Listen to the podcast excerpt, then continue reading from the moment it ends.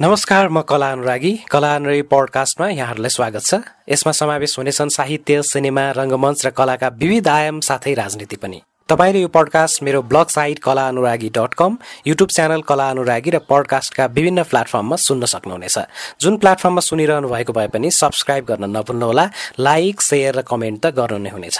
अब लागौँ आजको पडकास्टतिर पहिलो सिजनको श्रृङ्खलाहरूमा साहित्य सिनेमा रङ्गमञ्च कला र राजनीतिको क्षेत्रमा विशिष्ट पहिचान बनाउनुभएका विभिन्न व्यक्तित्वहरूसँग मैले विगतमा गरेको कुराकानी सुन्न सक्नुहुनेछ।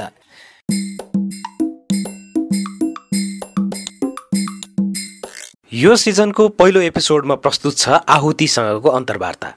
दुई हजार एकात्तर साल साउन नौ गते शुक्रबार दिउँसो रेकर्ड गरिएको यो अन्तर्वार्तामा आहुतिले आफ्नो पृष्ठभूमिलाई मिहिन ढङ्गले सम्झेका छन्। काठमाडौँको काठ नैकापमा हुर्केका उनले सानै उमेरमा कसरी विभेदहरूसँग मुठभेड गर्नु पर्यो भन्ने कुरा यहाँ व्यक्त गरेका छन्। उनी कसरी राजनीति र साहित्यमा हेलिँदै गए भन्ने विषयमा पनि चर्चा गरेका छन्। उनी रेडियो नेपालमा स्वर परीक्षा पास गरेका गायक पनि थिए भन्ने तथ्य यहाँ खुलेको छ। उनले यहाँ आफ्नो बाल्यकालमा भेटेका शिक्षकदेखि राजनीतिक व्यक्तित्वसम्मको चर्चा गरेका छन्। यससँगै उनले आफ्नो विद्रोही चरित्रदेखि कम्युनिस्ट आन्दोलनमा देखिएको ढोङबारे पनि बहस उठाएका छन्। यो छलफल आहुति र उनको दृष्टिकोण बुझ्न सहयोगी हुनेछ भन्ने विश्वास लिएको छु।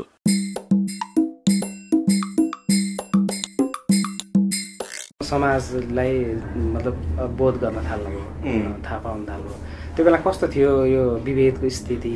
त्यो व्यक्तिगत रूपमा इभेन्टकै हिसाबले त्यस्तो के के भोग्नुभयो त्यो के त्यो यो विभेद छ भन्ने कुरा चाहिँ फिलिङ भयो। म त राजधानीको यो काठमा हुर्केको हो। सबभन्दा पहिले मानिसले अनुभूति गर्ने भनेको समाजसँगको प्रत्यक्ष र सचेत सम्बन्धहरू अनुभूति गर्न थालेपछि हो। मेरो विचारमा त्यस्ता कुनै सामाजिक स्थलहरू वा परिघटनाहरू नै थिएनन् जहाँ विभेद हुँदैन थियो।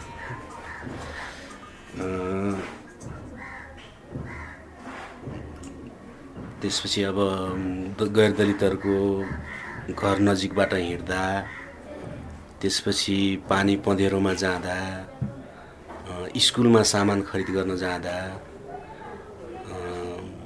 यिनै त हुन् सम्बन्धहरू होइन? मन्दिरमा जाँदा ती सबै ठाउँमा चाहिँ आफ्ना प्रौढहरूले वा आफूलाई लिएर जाने दिदीहरूले दाईहरूले आमाहरूले हजुरबाहरूले जब आफूलाई एक प्रकारको प्रशिक्षण दिन थाल्दछ त्यहाँ जानु हुँदैन त्यसो गर्नु हुँदैन उसो गर्न हुँदैन भनेर त्यहाँदेखि नै सुरु हुन्छ यो। त्यहाँदेखि नै उसलाई नयाँ मान्छे र नयाँ प्रकारको मान्छे निर्माण गर्ने प्रक्रिया सुरु हुन्छ। त्यहाँदेखि नै सर्वत्र मतलब काठमाडौँको काठ र सहरभित्र पनि म हुर्किएको समयमा चाहिँ म मेरो अनुभूतिलाई हेर्ने हो भने सुदूरपश्चिम वा तराईको मिथिलामा जस्तो अवस्था थियो। काठमाडौँको काठमा त्योभन्दा अलिकति पनि फरक थियो। स्कुलमा पनि स्कुलमा पनि पानी खान सिधै दिइँदैन थियो अनि सुदूरपश्चिममा त्यतिखेर बाहिर राखेर पढाइन्थ्यो दलितहरूलाई यहाँ चाहिँ बाहिर राखेर चाहिँ पढाइदिन्थ्यो सँगै राखिन्थ्यो कुन नैका त्यही त्यसले गर्दाखेरि आम दलितहरूले जो बाल्यकालमा भोग्दछन् करिब करिब ती सबै नै मेरो अनुभूतिसँग गाँसिएका कुराहरू एकदमै त्यो बेला सम्झने एकदम हिट गर्ने अहिलेसम्म सम्झने त्यस्तो परिघटना यस्ता त स्वयं हुन्छ त्यस्तो घटना स्वयं हुन्छ होइन। अहिले त हामी विचारको झन् एकदम माथिल्लो कोणबाट लोकतन्त्रको माथिल्लो उचाइबाट हेर्दा त त्यो त त्यो कल्पनै गर्न नसक्ने हुन्छ होइन? त्यस्ता धेरैवटा घटनाहरू छन् एउटा मात्रै होइन। मतलब यो एउटा पुरुषले महिलाहरूको बारेमा दैनन्दिन पल प्रतिपल उनीहरूको घात प्रतिघात अनुभूति गर्न नसक्ने जस्तो चिज हो यो। होइन? किनकि यो वर्ण व्यवस्था अथवा छुवाछुत सहितको वर्ण व्यवस्था भनेको चाहिँ कुनै एउटा सांस्कृतिक परिघटना मात्रै होइन यो। समग्र सामाजिक आर्थिक राजनैतिक प्रणाली होइन?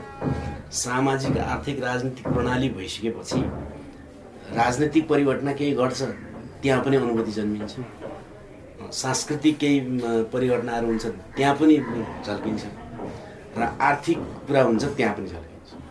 होइन भनेपछि त उसको जीवनको कुनै एउटा परिवेश पनि हुँदैन जहाँ उसले त्यो भोग्नु पर्दैन। त्यस कारण त्यो सबैभन्दा पीडित बनाएको के होला भन्ने त एउटा हुनसक्छ यसो कुनै एउटा भन्ने। तर त्यस्तो अकल्पनीय हजारौँ प्रतिपल घटनाहरू र अनुभूतिहरूमा ऊ चाहिँ ध्वंस भइरहेको हुन्छ। त्यहाँ हिंसा भइरहेको हुन्छ होइन? तपाईँले एउटा सुपारी किन्न जानुहुन्छ पसलमा तर चाहिँ तपाईँलाई त्यो सुपारी हातमा नछोइकन माथिबाट हालिदिन्छ होइन? त्यो देख्नेको निम्ति केही पनि होइन त्यो। केही पनि होइन। के भएको छ त्यहाँ? कुट्या छैन रगत आएको छैन। त्यहाँ केही पनि भएको छैन तर त्यहाँ एउटा ठुलो विध्वंस नि भावनात्मक रूपमा चोटको एउटा निकै ठुलो वज्रपात हुन्छ अब एउटा मान्छे पानी लिएर आइरहेको छ बाटोमा हिँडिराखेको छ। अब उसले केही पनि गर्दैन। उता यो बाटो नहिँड पनि भन्दैन केही पनि भन्दैन तर एकदम पछा नछुने ठाउँमा पर गएर उभिदिन्छ त्यो। सिँगै बाटो छोडिदिन्छ। हेर्दा त झन् बाटो छोडिदिया भयो नि त्यो होइन तर त्यो होइन। त्यो त्यो एउटा त्यो भावनात्मक रूपमा ठुलो चोट हो त्यो। ठुलो मतलब रक्तपात के एक प्रकारको। त्यस कारण यस्ता हजारौँ हजार घटनाहरूको बिचबाट दलितहरूको निर्माण हुन्छ। र त्यो चाहिँ यसरी सामाजिक परिवेशले यसरी निर्माण गरिदिन्छ उसलाई कि ऊ प्रतिभावान छ भने पनि प्रतिभावान लाग्न थाल्दैन। होइन? ऊ बोल्न सक्छ भन्ने नै उसलाई लाग्न थाल्दैन यसरी निर्माण हुन्छ। होइन? र धेरै चिजहरूबाट ऊ भागेर बाँच्न थाल्छ भागेर। किनकि गयो भने त्यहाँ अपमानित हुनुपर्छ। होइन? गयो भने त्यहाँ उसले विभेद भोग्नु भोग्नुपर्छ र कसैले त्यस कसैले त्यसको सुनवाई गर्दैन भनेपछि त्यो भागेर बाँच्ने प्राणीको रूपमा त्यो हिँड्न थाल्छ त्यो विचित्रको हुन्छ त्यसको भावनात्मक परिघटना। त्यो मैले अहिलेसम्म त्यस्तो त्यो साहित्य पनि त्यस्तो देखाएको छैन। त्यसले गर्दाखेरि त्यो सबै नै भोगियो। भोगियो र अहिले पनि भोगिँदैछ नयाँ सन्दर्भहरू होइन? त्यो बेलामा त्यो बेलाका सन्दर्भहरू भोगियो त्यसलाई त्यसले निर्माण गरेको समग्र सामाजिक राजनीतिक आर्थिक जो प्रणाली छ अहिलेको सापिस्तामा अहिले पनि हामी भोग्दै नै छौँ त्यो बेला अब जुन दाइ कस्तो थियो समुदाय त्यहाँ चाहिँ बाक्लै छ कि? त्यहाँ चाहिँ त्यो त्यो गाविस चाहिँ नेवारहरूको बाहुल्य कति नम्बर वडा वडा त नौ नम्बर हो त्यो। नगरपालिका होइन त्यो। अहिले पनि गाविस। गाविसमा नौवटा हुन्छन् थाहा र त्यसमध्ये नेवार बाहुल्यता भएको गाविस हो मोहर्जनहरू अलिक बढी श्रेष्ठहरू अलिक कम। त्यसपछि छेत्रीहरू त्यसपछि मगरहरू अनि त्यसपछि दलितहरूको साइडबाट चाहिँ कामीहरू दमाईहरू नभएको गाउँ त्यो सार्कीहरू मात्रै छत्तिस घर थिए त्यति बेला। अहिले दुई चार घर बढे बढेकै छ। दुई चार बढे होला मैले छोडेको भयो बाह्र वर्ष जति गाउँ अँ, त्यसपछि नगरकोटीहरू अनि केही दुई चार घर सिराई ब्राह्मणहरू भएको गाउँहरू थियो त्यो बेला समुदायकै मनस्थिति कस्तो थियो तपाईँमा त्यो खालको त्यसको प्रभाव त पक्कै पऱ्यो के हुन्थ्यो त्यस त्यो प्रतिको दृष्टिकोण अब कस्तो होइन म हुर्किँदाखेरि मेरो परिवार अलि स्वाभिमानी प्रकारको आत्मनिर्भर हुने प्रकारको र ज्ञानको क्षेत्रमा शिक्षाको क्षेत्रमा पनि अलिकति मेहनत गर्ने खालको परिवार थियो। र उनीहरूमा चाहिँ विद्रोही चेत आइसकेको थियो म चाहिँ एक स्तरको थियो। विद्रोही चेत चाहिँ थियो तर त्यो विद्रोही चेत चाहिँ विद्रोहमा जाने स्तरको होइन कि। त्यो चाहिँ बेठिक छ भन्ने स्तरको मात्रै थियो। होइन? मेरो हजुरबाको पुस्ता चाहिँ त्यस्तो चिजलाई स्वीकार्ने तर त्यसलाई चाहिँ अन्य ढङ्गले प्रगतिमा जानुपर्छ त्यसलाई छलेर भन्ने स्तरको थियो। मेरो दाईहरू सहितको आउँदाखेरि चाहिँ त्योसँग प्रतिरोध गर्ने वा त्यसको विरुद्ध जानुपर्छ भन्ने चेतसम्म भएको तर सङ्गठित हुने चेतसम्म पुगेको थिएन। र बरु अब कुनै पँधेरा छुन दिँदैन भने राति गएर पानी उ गरिदिने होइन? पानी लिने छोइदिने राति गएर। दिउँसो त अब त्यो त्यो स्तरको सङ्गठन सङ्गठित हुने चेतना थिएन। कुनै मन्दिरमा जान दिँदैन भने राति गएर चाहिँ त्यहाँ फोहोर गरिदिने। त्यस्तो खालको प्रारम्भिक विद्रोहीहरूको जो चेतना हुन्छ। त्यो खालको चेतनामा चाहिँ पुगिसकेको थियो हुर्किँदाखेरि र त्यो चेतना कहाँसम्म थियो भन्ने कुरो म तपाईँलाई ठ्याक्क भन्नु कि तिस एकतिस एकतिस सालतिर म स्कुल भर्ना भएँ। त्यो बेला चाहिँ मेरो नाम तिन कक्षासम्म मेरो थर चाहिँ मिजार राख्न बाध्य पारिएको। तिन कक्षासम्म पढ्दाखेरि चाहिँ स्कुलमा थर चाहिँ सार्की वा मिजार लेख्न बाध्य पारिएको। अँ, होइन? अनि आफ्नो थर लेख्नै नदिने। होइन अनि छत्तिस साल पैँतिस छत्तिसको जब आन्दोलन सुरु भयो अनि चार कक्षामा पुगेपछि अनि मेरो दाईले गएर जबरजस्ती थर लेखाउनु पऱ्यो। र हेडमास्टरले रोक्नै अँ, त्यो पैँतिस छत्तिसको आन्दोलनको प्रभाव पनि थियो। र त्यो बेलासम्म विकसित भएको चेतना पनि थियो। त्यसपछि मात्रै अनि आफ्नो थरमा हाजिर हुन पायो। होइन त्यसपछि पनि स्कुलको भाडा त छुन दिँदैन ए होइन? अनि त्यो पूर्व व्यावसायिक शिक्षा भन्ने हुन्थ्यो त्यसमा पाक शिक्षा भन्ने एउटा च्याप्टर होइन? त्यो सबै विद्यार्थीले पढाउ पकाउनु अब म त्यहाँ हुने म फेरि अलि अलि राम्रो विद्यार्थी थिएँ त्यहाँको। अनि म चाहिँ जहिले पनि असाध्यै राम्रो पढाए जस्तो लाग्ने के। तर जहिले पनि चाहिँ नि पास मात्रै हुने। अनि पाँच कक्षामा एकजना दिनेश शर्मा भन्ने आँखा डेढो भएको एकजना टिचर। अब अहिले बुझ्दाखेरि उहाँ अलि वामपन्थी हुनु रहेछ। अलि जर्कोट स्वभावको टिचर त्यहाँ आउनु अनि आइसकेपछि अनि उहाँले मलाई एक दिन बोलाएर के भन्नु भने कङ्लालाई थाहा रहन्छ। नि राम्रोसँग कपाल गर्न जान्दैन हाँस्न नि जान्दैनस् त सधैँ फर्स्ट पनि रहेछस् तँलाई सधैँ तेस्रो बनाउने रहेछ अँ, भनेर भन्नुभयो क्या पाँच अनि पाँच कक्षामा चाहिँ उहाँले मलाई फर्स्ट बनाउनु भएछ अब त्यहाँ लडेर। अनि त्यसपछि अनि म फर्स्ट बोय भएको हुनाले पाक शिक्षामा पनि जाने नै भएन अनि अक्सर चाहिँ मान्छेहरू पकाइसकेपछि भाग्थ्यो स्कुलबाट खानुपर्छ। ए तपाईँले पकाउनु सबै त मिलेर पकाइन्थ्यो नि। त। म पनि त भनेँ नि त। भएपछि भाग्थेँ छत्तिसको आन्दोलनपछि चाहिँ छत्तिसको आन्दोलनमा हिँडेका विद्यार्थीहरू पनि केही टिचरहरू त्यहाँ आउनु थाल्यो एकजना लक्ष्मी मालिजी आउनुभयो। उहाँको श्रीमान स्नेह सायमी आउनुभयो। उहाँको बहिनी पनि इत्यादि इत्यादि। त्यसै गरी प्रचण्ड मल्ल भन्ने एकजना टिचर आउनुभयो होइन? अनि गीतकार एकजना हुनुहुन्छ के नेवा भन्ने। है? ती उहाँ टिचर उहाँ पनि आउनुभयो यसरी अलि नयाँ पुस्ता नयाँ चिन्तनको खालको पुस्ता त्यहाँ आउनु थाल्यो र त्यसले अनि बिस्तारै एउटा अलिकति नयाँ भाव भन्नुहोस् न दिन थाल्यो। अनि छत्तिसको आन्दोलनपछि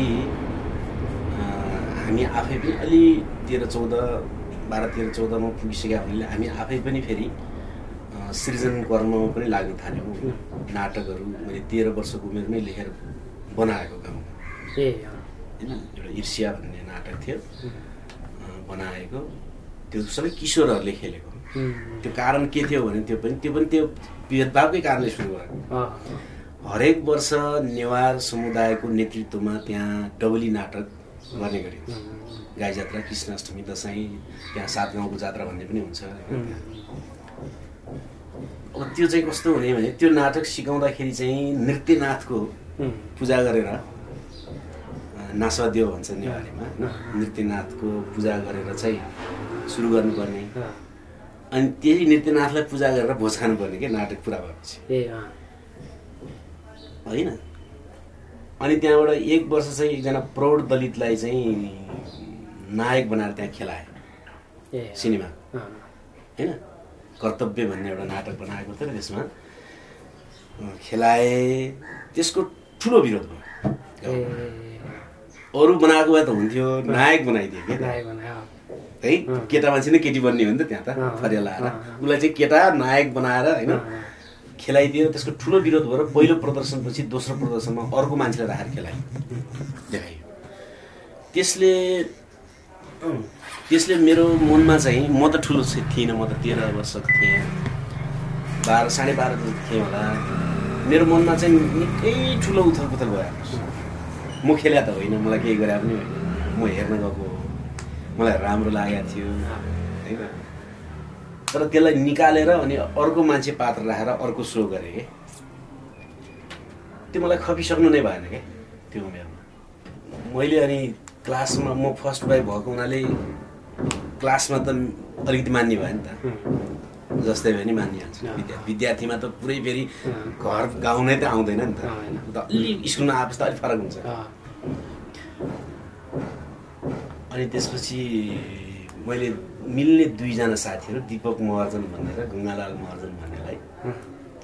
हामी तिनजना मिलेर नाटक लेखौँ। र हामी हामी बच्चा बच्चा गरौँ। भने मैले मैले लेख्छु तिमीहरू खेल भने त काम मान्थ्यो। त्यो- त हुँदैन थियो होइन। मैले त्यहाँ अलिकति जानेर नजानेर कुटनीति भयो त्यो एक प्रकारको भनौँ न तिनजना मिलेर गरौँ भनिसकेपछि। अनि कसरी गर्ने भने मैले भनिहालेँ भने यो कथा गर्ने यसरी लेख्ने। म त्यति बेला हिन्दी सिनेमा धेरै नै हेर्थेँ कि। धेरै नै हेर्थेँ। मैले सात वर्षको उमेरदेखि सिनेमा हेर्न थालेको हल कहाँ थियो त्यही विश्वज्योति जय नेपाल अशोक रञ्जना यिनै त हुन्। पाँचवटा हल थियो अँ, अनि नवदुर्गा। नवदुर्गा पनि धेरै गइदिन्थ्यो। यही चार पाँचवटा पनि गइन्थ्यो नियमित जस्तो सिनेमा हेरिन्थ्यो।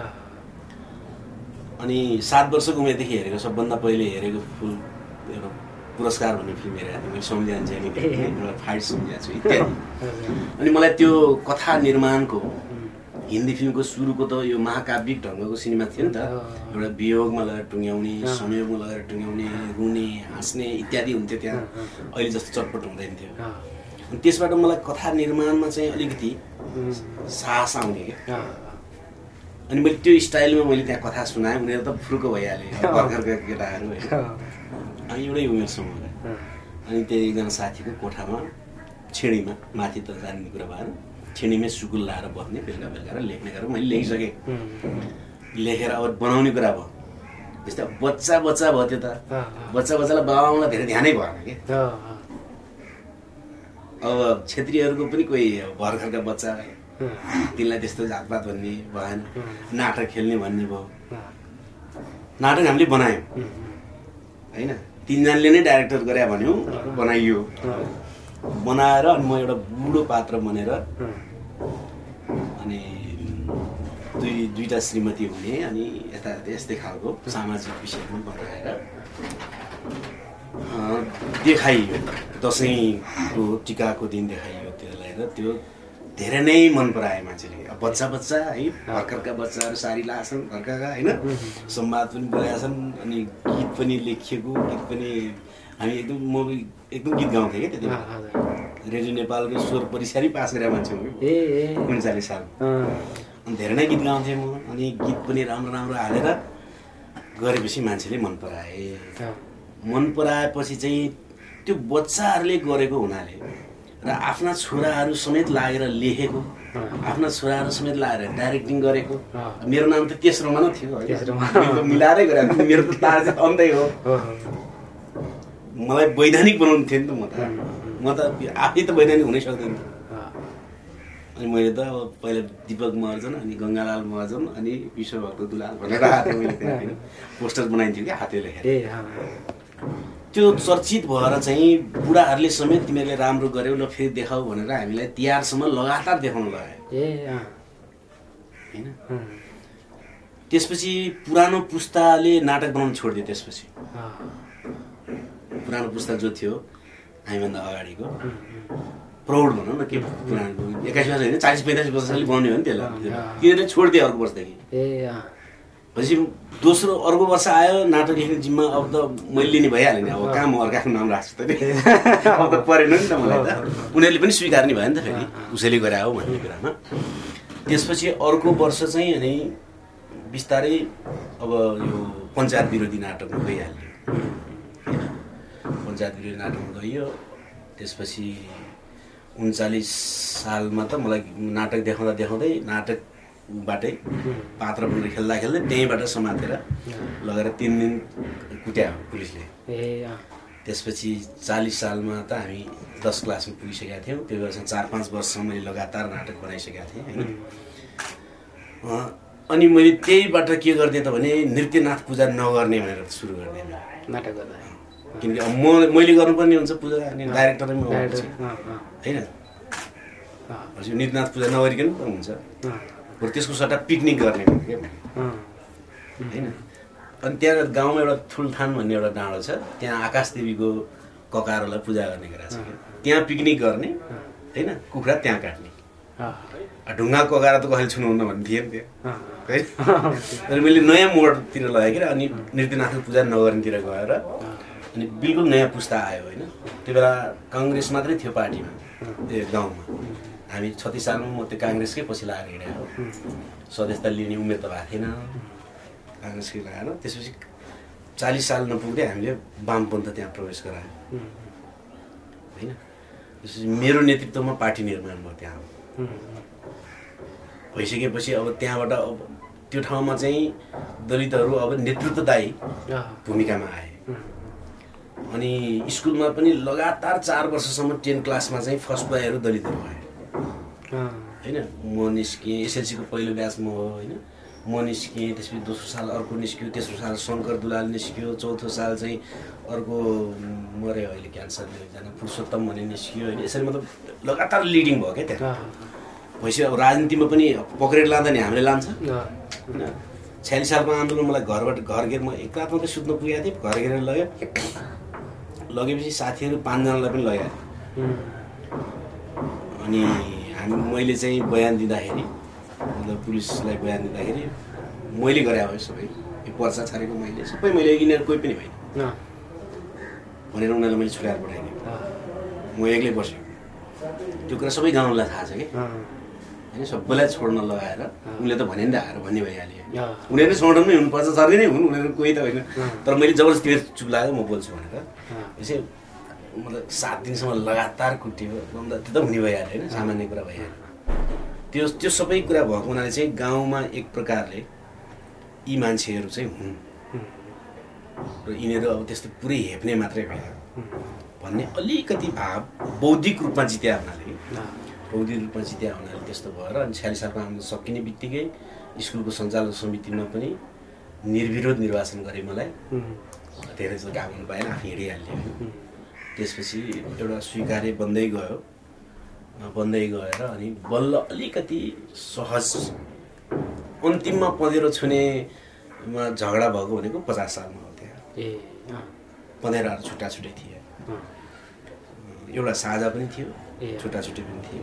त्यो अन्तिममा चाहिँ त्यो अञ्जनाजीहरूले सङ्घर्ष गर्नुभयो। त्यति बेला भर्खर बिहे भएको थियो मेरो अञ्जनाजीसँग उहाँहरूले गर्नुभयो त्यो सकियो त्यो चाहिँ प्रत्यक्ष रूपमा स्थलहरूको छुवाछुत त्यहाँ सकियो भन्ने सुनेको छु अहिले मैले।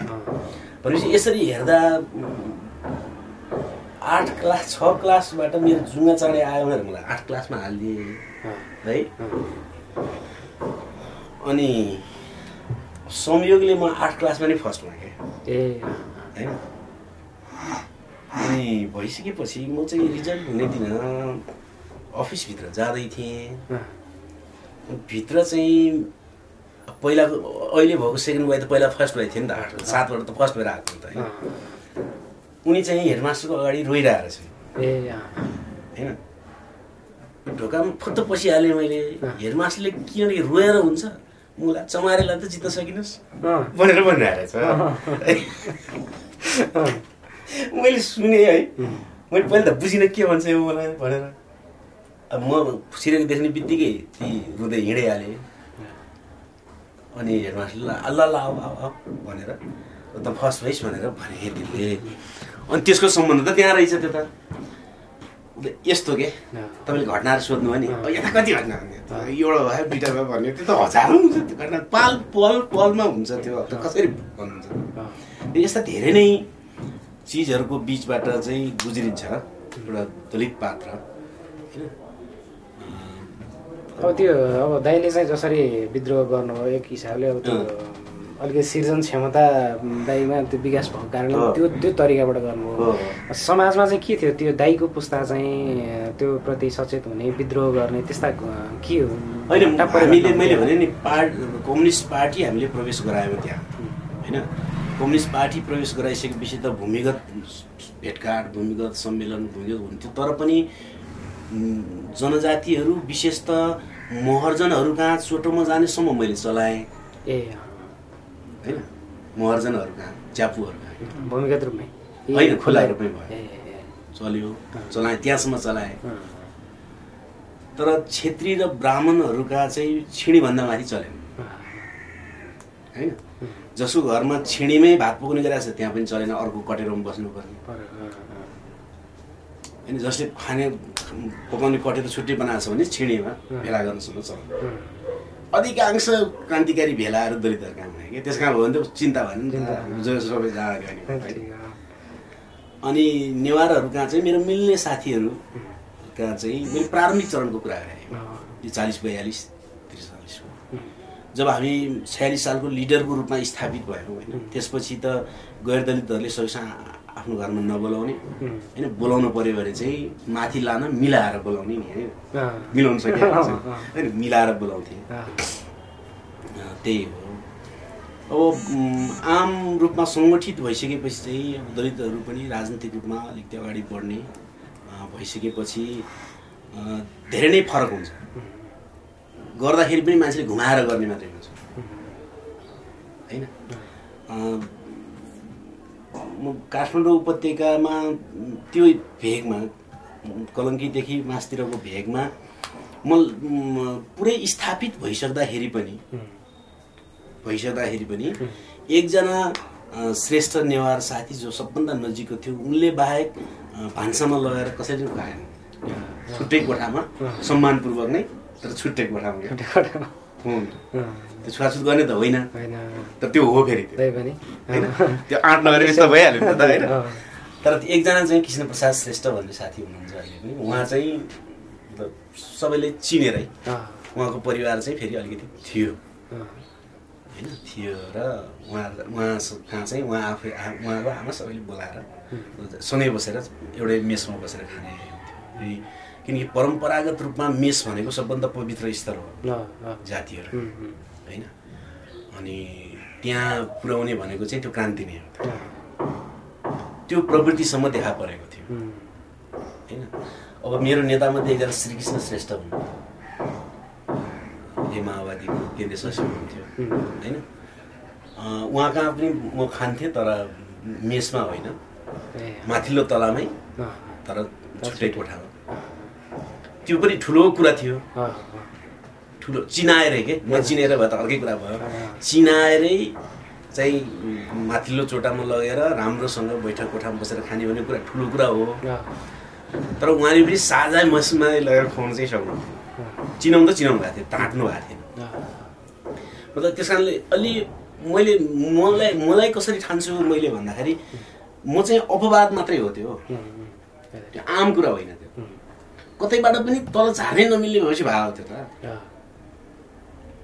त्यो मिलेन कि कताबाट पनि मिलेन नि त। कसरी के भनेर त्यही त। नमिलेर क्या त्यो। अब बुढाबुढीहरूले पनि चाहिँ नि अब म नेवार भाषा राम्रो बोल्थेँ त्यति बेला। अनि नेवार गाउँमा बुढाबुढी मान्छेहरूले पनि असाध्यै मन पराउने। होइन? आइज बस्न खा भन्ने जाँड ल्याएर दिने खाँदो रहेछस् त भन्ने चिया पकाइदिने होइन? त्यति बेला त क्रान्तिकारी भइया थिएन नि त त्यसो त जाँड रहेछ खाइदिन्थ्यो। होइन। क्रान्तिकारी भएपछि अनि खान सिकाएर हो। अनि त्यस्तो थियो अनि कस कतैबाट इन्कार गर्न नसक्ने पात्रको रूपमा भएको हुनाले अब टिचरहरू कस्तो थिए भन्ने म तपाईँलाई सुनाउँछु। एकजना साइन्स पढाउने टिचर हुनुहुन्थ्यो गाउँकै। म अहिले नाम लिन्न होइन? नामले राम्रो हुँदैन यो छ कक्षाबाट चाहिँ आठ कक्षामा फर्केर गएपछि मलाई सात कक्षामा चाहिँ भएको हिसाब त केही पनि थाहा थिएन मलाई। अँ, मेरो घरमा पढाउनु त कोही थिएन। यो गद्य सधैँ यताउता म पढेर भ्याइहाल्थेँ। तर त्यो सात कक्षामा चाहिँ A plus B whole square यस्तै दिँदै सिकाउँदो रहेछ। अँ, छमा त्यो थिएन। आठमा त्यही मात्रै हेर्नुहोस्। म त रनफुलम परिहालेँ। सुरुकै हप्ता। त्यसपछि अनि साइन्स र म्याथमेटिक्स पढाउने एकजना महिला टिचर हुनुहुन्थ्यो जो गैर दलित हुनुहुन्थ्यो। नेवार उहाँलाई मैले भने मलाई ट्युसन पढाइदिनु उहाँले भन्नुहुन्छ पैसा लिएर पढाउनु कुरा नहो होइन?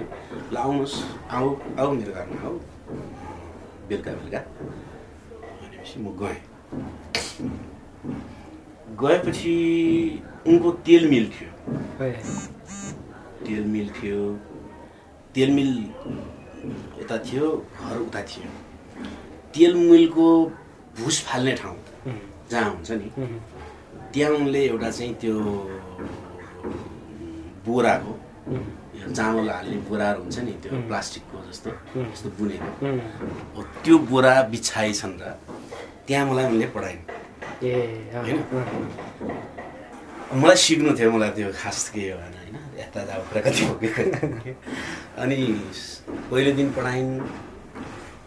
अनि मलाई पढाउन लागेको चाहिँ उनको बुवाले पनि आएर हेरे उनको आमाले पनि आएर हेरिन् होइन? त्यो सबै शिक्षित परिवारकै थियो शिक्षित परिवार। सम्पत्तिमा शिक्षित परिवार। हेरेँ। दोस्रो दिन म गएँ।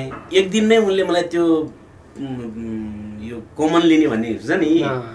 एबिसिबी भने कमन लिएर ब्राकेटमा राख्ने भने उसले एक दिनै मलाई एक घन्टा सिकाएपछि मेरो ध्यान खुलिहाल्यो यो रहेछ यसको ज्यान भन्ने कुरा होइन? दोस्रो दिन जाँदाखेरि चाहिँ अब आजदेखि नआऊ है भनेको के? त्यो मलाई भुसको थुप्रोमा राखेर पढाउँदा पनि त्यो घरका मान्छेले सहेन कि मलाई। तर संयोगले त्यो एक दिन त्यति पढायो हुनाले मैले त्यो ठिक गरेँ त्यसलाई मोटामोटी हल गरेर आठ कक्षाबाट पार भएँ म होइन। चित टिचरहरूको चेतना कहाँ पुगेको थियो भने साइन्स पढ्ने कि। अहिले पनि एमएससी गरेर क्याम्पस पढाउनुहुन्छ उहाँले होइन। मलाई माया नै गर्ने मान्छे हो फेरि त्यस्तो कुनै त्यस्तो। होइन अहिले त्यो स्कुलमा पनि पढाउनु हुँदो रहेछ। अस्ति म त्यो स्कुलको वार्षिक सभामा गएको थिएँ। सम्मान नै छ त्यो राम्रै छ। उहाँको कारणले होइन कि मतलब त्यो बाबुआमाको त्यति पनि खप्न नसक्ने चेतना थियो भने कि। होइन? र मैले दस क्लास दस क्लासमा चाहिँ पुगेपछि मात्रै अनि मैले गाग्रो फुटाइदिएँ त्यो पान पाँच हुन्न भन्ने अँ, है? नौ क्लासमा पुग्दा नि आँट थिएँ कि अब त सात दिनै हुनु होइन दस क्लासमा पुगेपछि सबभन्दा ठुलो क्लासको मान्छे। त्यसको नि फर्स्ट बोय। होइन एसएलसीको निम्ति चाहिँ ज्वाइँ पाले जस्तो पालेका। होइन फुर्ती आयो नि। अनि गएको पानी खानु गएको त चाहिँ त्यो पालेले किचकिच गरिहाल्यो अनि मैले लातो ल्याएर पऱ्यो। स्कुलमै? हल्ला हल्ला भयो। टिचरले आएर गाली गर्यो। किनकि अब एसएलसीमा फर्स्ट ब्याच अब त्यो यसलाई यताउति गऱ्यो भने त हुँदैन भन्ने थियो। यस्तो के? पछि मतलब चेतना धेरै नै जड कुरा हो यो। यो सामान्य हेरे जस्तो कुरै होइन। त्यसपछि जब अब पोलिटिक्समा आउनु दुईवटा परिवेश। एउटा चाहिँ पोलिटिक्समा आइसकेपछि कम्युनिस्ट पार्टीभित्रको कस्तो थियो एक्सपिरियन्स त्यसका कम्युनिस्ट पार्टी ढोङ्गी छ यो मान्नु सरल भाषामा बोल्नुपर्छ। एक त मेरो बुझाइ के छ भने अब यो भन्ने चलन छैन। मैले चाहिँ अब भन्नुपर्छ भन्ने लागेको छ कि संस्कृति सांस्कृतिक रूपान्तरणको मामलामा कम्युनिस्ट आन्दोलन चाहिँ मूलत ढोङ्गी छ। होइन? प्रमुख रूपमा चाहिँ यो ढोङ्गी छ। हुँदै आयो र सहायक चाहिँ यो प्रगतिशील छ। सांस्कृतिक अँ, होइन? त्यसो त फेरि अब मान्छेले सोध्ला राजनीतिक आन्दोलन स्वयं सांस्कृतिक आन्दोलन हो नि त। यो कोनबाट बहस गर्दा फेरि अर्को ठाउँ पुगेला। तर सांस्कृतिक आनी बानी आचरण इत्यादि इत्यादिको कुरा गऱ्यो भने पुरानो प्रथा कुप्रथा परम्परालाई तोड्ने मामलामा चाहिँ कम्युनिस्ट आन्दोलन मूलत ढुङ्गी छ। थियो छ। होइन? सहायक मात्रै यो प्रगतिशील छ क्या? होइन? त्यसरी हेर्दाखेरि जातपातको मामलामा पनि कम्युनिस्ट आन्दोलन ढोङ्गियो मूलत। अहिलेसम्म। है सहायक पक्ष छ फेरि होइन? सहायक पक्ष चाहिँ फेरि यसभित्र गैर दलित लिडरहरूले धेरै नै मिहिनेत गरेका होइन? उनीहरूले कुटाइ खाएका उनीहरूले बहिष्कृत भएका होइन? दलितहरूको जस्तै उत्पीडन भोग्नु परेका परिघटनाहरू पनि एउटा लामो लामबन्दी त फेरि छँदैछ होइन? तर कम्युनिस्ट आन्दोलनको कोणबाट हेर्दा चाहिँ मूलत ढोङ्गी मैले होइन? मतलब बदल्नलाई मेहनत नगर। होइन? त्यो प्रश्नलाई यति सानो बनाएर सोच्ने कि त्यो बुझ्दै नबुझ्ने बुझ्न पनि नचाहने त्यो।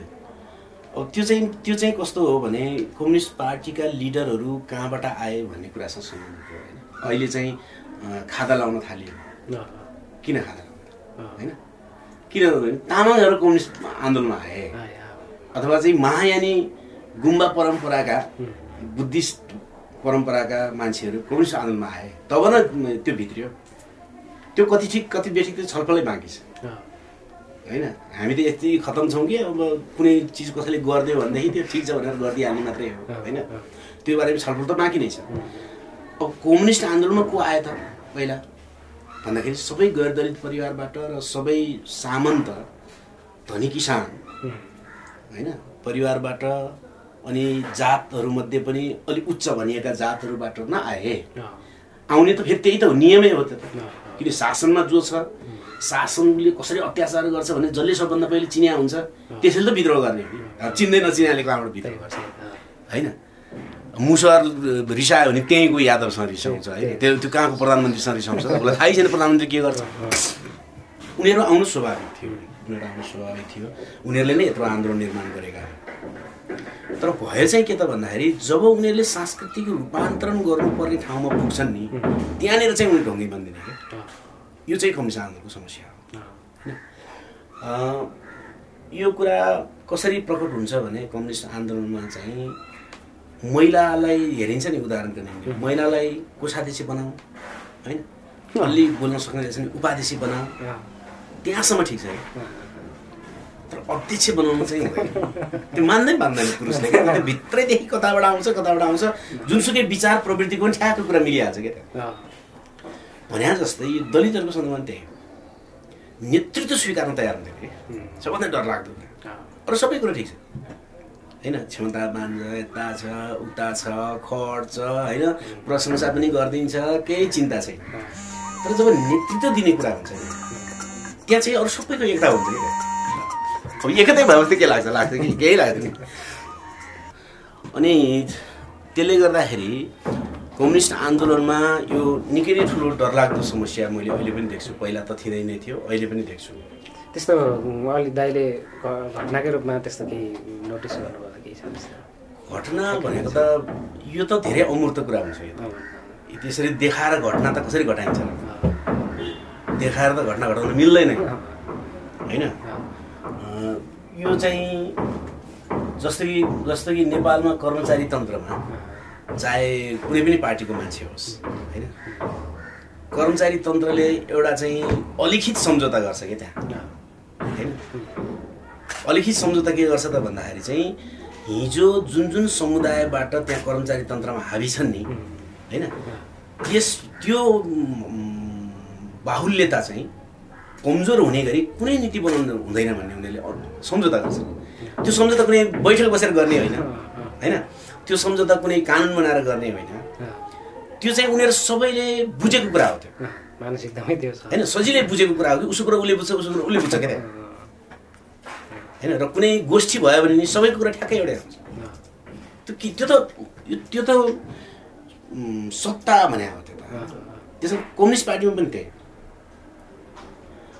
कम्युनिस्ट पार्टीमा पनि दलितहरूको मामलामा सोच्दै जाँदाखेरि जुनसुकै खेमाबाट जुनसुकै विचार प्रवृत्तिबाट आएको भए पनि गैर दलितहरूको कुरा मोटामोटी मिल्न पुग्छ। मिल्न पुग्दिनँ क्या त्यो त्यो नगर्दा नि पुग्ने हुन्छ। जस्तै म तपाईँलाई एउटा उदाहरण दिन्छु। अहिले सबै पार्टीको सन्दर्भमा यो प्रश्न उठाएको छ। ए माओवादीको बारेमा पनि उठाएको ए माओवादी पार्टीको जनयुद्धको समयमा पहिलो इनिसिएसन कारबाहीमा लागेका र निरन्तर पार्टीमा लागिरहेका र प्रतिभा छामितावान भएका मान्छे अहिले सबै मान्छे पिबिएम छ एउटा ठोस उदाहरण दिनु लागि। मलाई कुनै आपत्ति छैन कि यसमा त्यस्तो मलाई केही चिन्ता छैन। यो कुनै पार्टीको कसैको यो अनुशासनले बाँध्नेवाला छैन यो। त्यस्तो लडाइँ नै होइन यो। अर्कै लडाइँ एकजना मान्छे मात्रै अस्ति पिबिएमको चुनावमा हार्यो। त्यो महेश्वर गहराज जो जनयुद्ध सुरु हुनुभन्दा पहिले पूर्णकालीन हो। होइन जनसरकारको प्रमुख उपप्रमुख पनि भएकै हो। होइन रुकुमकै उत्पादन हो। है। थारुवानको सेक्रेटरी भएर चलाइसकेका मान्छे हो। इनिसिएसनमा रुकुमको एउटा चाहिँ चौकी हान्ने मान्छे मध्येको हो। अहिलेसम्म कारवाही परेको छैन। होइन? कुनै दोष छैन। तर ऊ पिबीको चुनावमा हार्यो। अब एउटा प्रश्न जन्मिन्छ क्या। अब विगत तिस वर्षदेखि निरन्तर पूर्णकालीन रूपमा आएर त्यो पिबीमा लड्न सक्ने स्तरमा आएको मान्छे हार्छ भने होइन? तिस वर्ष खाली भने अब त। त्यस्तो पात्र तयार हुन त तिस वर्ष लाग्छ। न्यूनतम ल ऱ्यापिड जमानामा दस वर्ष त लाग्ला। भनेपछि त त्यो ठाउँमा महेश्वर गतराज कामीहरू त होइन? बिस वर्ष त खाली भयो। भइहाल्यो। त्यो सामान्य छैन कि यो कुरा। यो हेर्दाखेरि यो एकजना हारेछन्। भन्ने त्यस्तो होइन बिस वर्ष लाएर उत्पीडित समुदायको समस्या यही हो नि। उत्पीडित समुदायको त निरन्तरै एकपछि अर्को एकपछि अर्को आएको हुँदैन। उत्पीडक समुदायहरूबाट चाहिँ धेरै प्रतिभा हुन्छन् र हर आइरहेका हुन्छन्। एक वर्ष एकजना हार्यो भने पनि अर्को वर्ष त अर्को लाइनमै हुन्छ नि। केही चिन्ताको विषय होइन कि त्यो। उत्पीडित समुदायहरूबाट त अपवादमा विकास गरेर कठोर सङ्घर्ष गरेर तपस्या गरेर एउटा पात्र आइपुगेको हुन्छ। त्यसलाई त्यहाँ हटाइ हटाइदिइसकेपछि त बिस वर्ष त फेरि खाल्यो। अब भनौँ न अब मैले भनेको ए माओवादी पार्टी अहिले पनि नीतिका हिसाबले दलितहरूको मामलामा सबै उत्पीडित समुदायको मामलामा सबभन्दा क्रान्तिकारी नै हो। त्यसमा कुनै विवादै छैन। सबैले भन्छन् नि त माओवादीले मात्रै भन्नु पर्दैन। तर त्यो पार्टीमा यो अभिगत छ। अन्त के होला भन्नु? होइन। यस्तो किन हुन्छ त? यस्तो किन हुन्छ भन्दाखेरि चाहिँ यो चाहिँ यो वंशानुगत रूपमा नै एउटा मानिसको चेत निर्माण भएको छ क्या। होइन? त्यो वंश भनेको त्यो त्यो नाक नक्सा कस्तो हुन्छ मात्रै आउने होइन। लगातारको हजारौँ वर्षदेखिको प्रशिक्षणले गर्दा उसको सोच्ने डिजाइन सबै त्यस्तो भएको छ र हामीसँग शिक्षा जन्मिसकेपछिको शिक्षा र घरको शिक्षा चाहिँ फेरि त्यसलाई भत्काउने खालको छैन। कहाँबाट भत्किन्छ? भत्किँदैन नि। होइन? भत्किँदै भत्किँदैन। होइन? अब त्यसले गर्दाखेरि चाहिँ यो एउटा नयाँ बहस सिर्जना गर्ने विषय छ क्या यो कुन यसमा बहस नगर्ने हो भने चाहिँ हुने मात्रै धेरै हुने देखिन्छ हुन त हुन्छ नि त्यो भइहाल्छ। क्रमशः हुने कुरा त घाम घाम उदाइहाल्छ अस्ताइहाल्छ त्यो त केही कुरा भएन होइन? तर गम्भीर ढङ्गले सोच्दाखेरि चाहिँ यो एउटा नयाँ फेनोमेना हो हाम्रो छलफलको निम्ति होइन? त्यसको राजनीतिमा यो जबरजस्त छ। र मेरो विचारमा के छ भने भारतमा भन्दा यहाँ धेरै नै अगाडि बढाएको छ यो विषय। भारतीयहरू त छेउटुप्पै छैन। बढीमा किताब लेख्ने हो भन्ने हो। नेपालमा चाहिँ अलिक नयाँ ढङ्गले नै गएको छ। तर कुरा के छ भन्दाखेरि नेपालमा पनि किन निर्णायक ठाउँ भनेको राजनीतिक ठाउँ होइन? अब राजनैतिक ठाउँमा नै त्यसको पहुँच भएन भनेदेखि अब कहाँबाट हुन्छ म तपाईँलाई भनौँ न म यो पार्टीकै जीवनको कुरा गर्दाखेरि पनि यो- एउटा स्तरमा त छु। होइन? म कुनै ठाउँको नेतृत्वमा बसेको हुनाले म त्यो ठाउँमा बस्दिनँ भन्ने सिसिएम पनि भेटेँ मैले। वर्तमानको कुरा गर्दैछु। भनेपछि अब मलाई स्वीकार्न नसक्ने स्तर त हुनै सक्दैन नि त। कसरी हुन्छ? होइन? हुनै नसक्ने कुरा। तर त्यस्तो छ। हुन्छ। यो गहिरो चेतना गहिरो मनोविज्ञान हो यो होइन? यो सामान्य ढङ्गले यसलाई चिरौँला भनेर हुँदैन। त्यस कारण पार्टीहरूमा बिल्कुल नयाँ सिराबाट यो विषयमा छलफल सुरु भएन भने यहाँ एउटा विकृति आउने खतरा छ। त्यो विकृति के त भने दलितहरू राजनीतिक पार्टीमा न्याय हुँदो रहन्छ भनेर उनीहरूले गलत दिशा अँगालेर दलित पार्टी बनाउने जस्ता विकृतिहरू जन्मिने होइन? अनि राजनीतिबाट फ्रस्ट्रेट हुने विकृतिहरू जन्मिने खतरातिर जान्छ। होइन? यो नसोच्ने हो भने। अहिले त्यही बहस चलिराखेको छ बाहिर। सबै दलितहरू सबै मान्छेहरू चाहिँ सोझो बाटो ठिक बाटोमा त हिँड्छन् भन्ने त छैन नि त। होइन? आन्दोलनले ठिक रूप लिएन ठिक दिशा पक्रेन भनेदेखि त उनीहरू त भड्किन्छन्। उनीहरू भड्कियो भनेर गाली गरेर मात्र त हल हुँदैन यो समस्या त। होइन? त्यसो भएको हुनाले यो निकै नै गहिरो छ।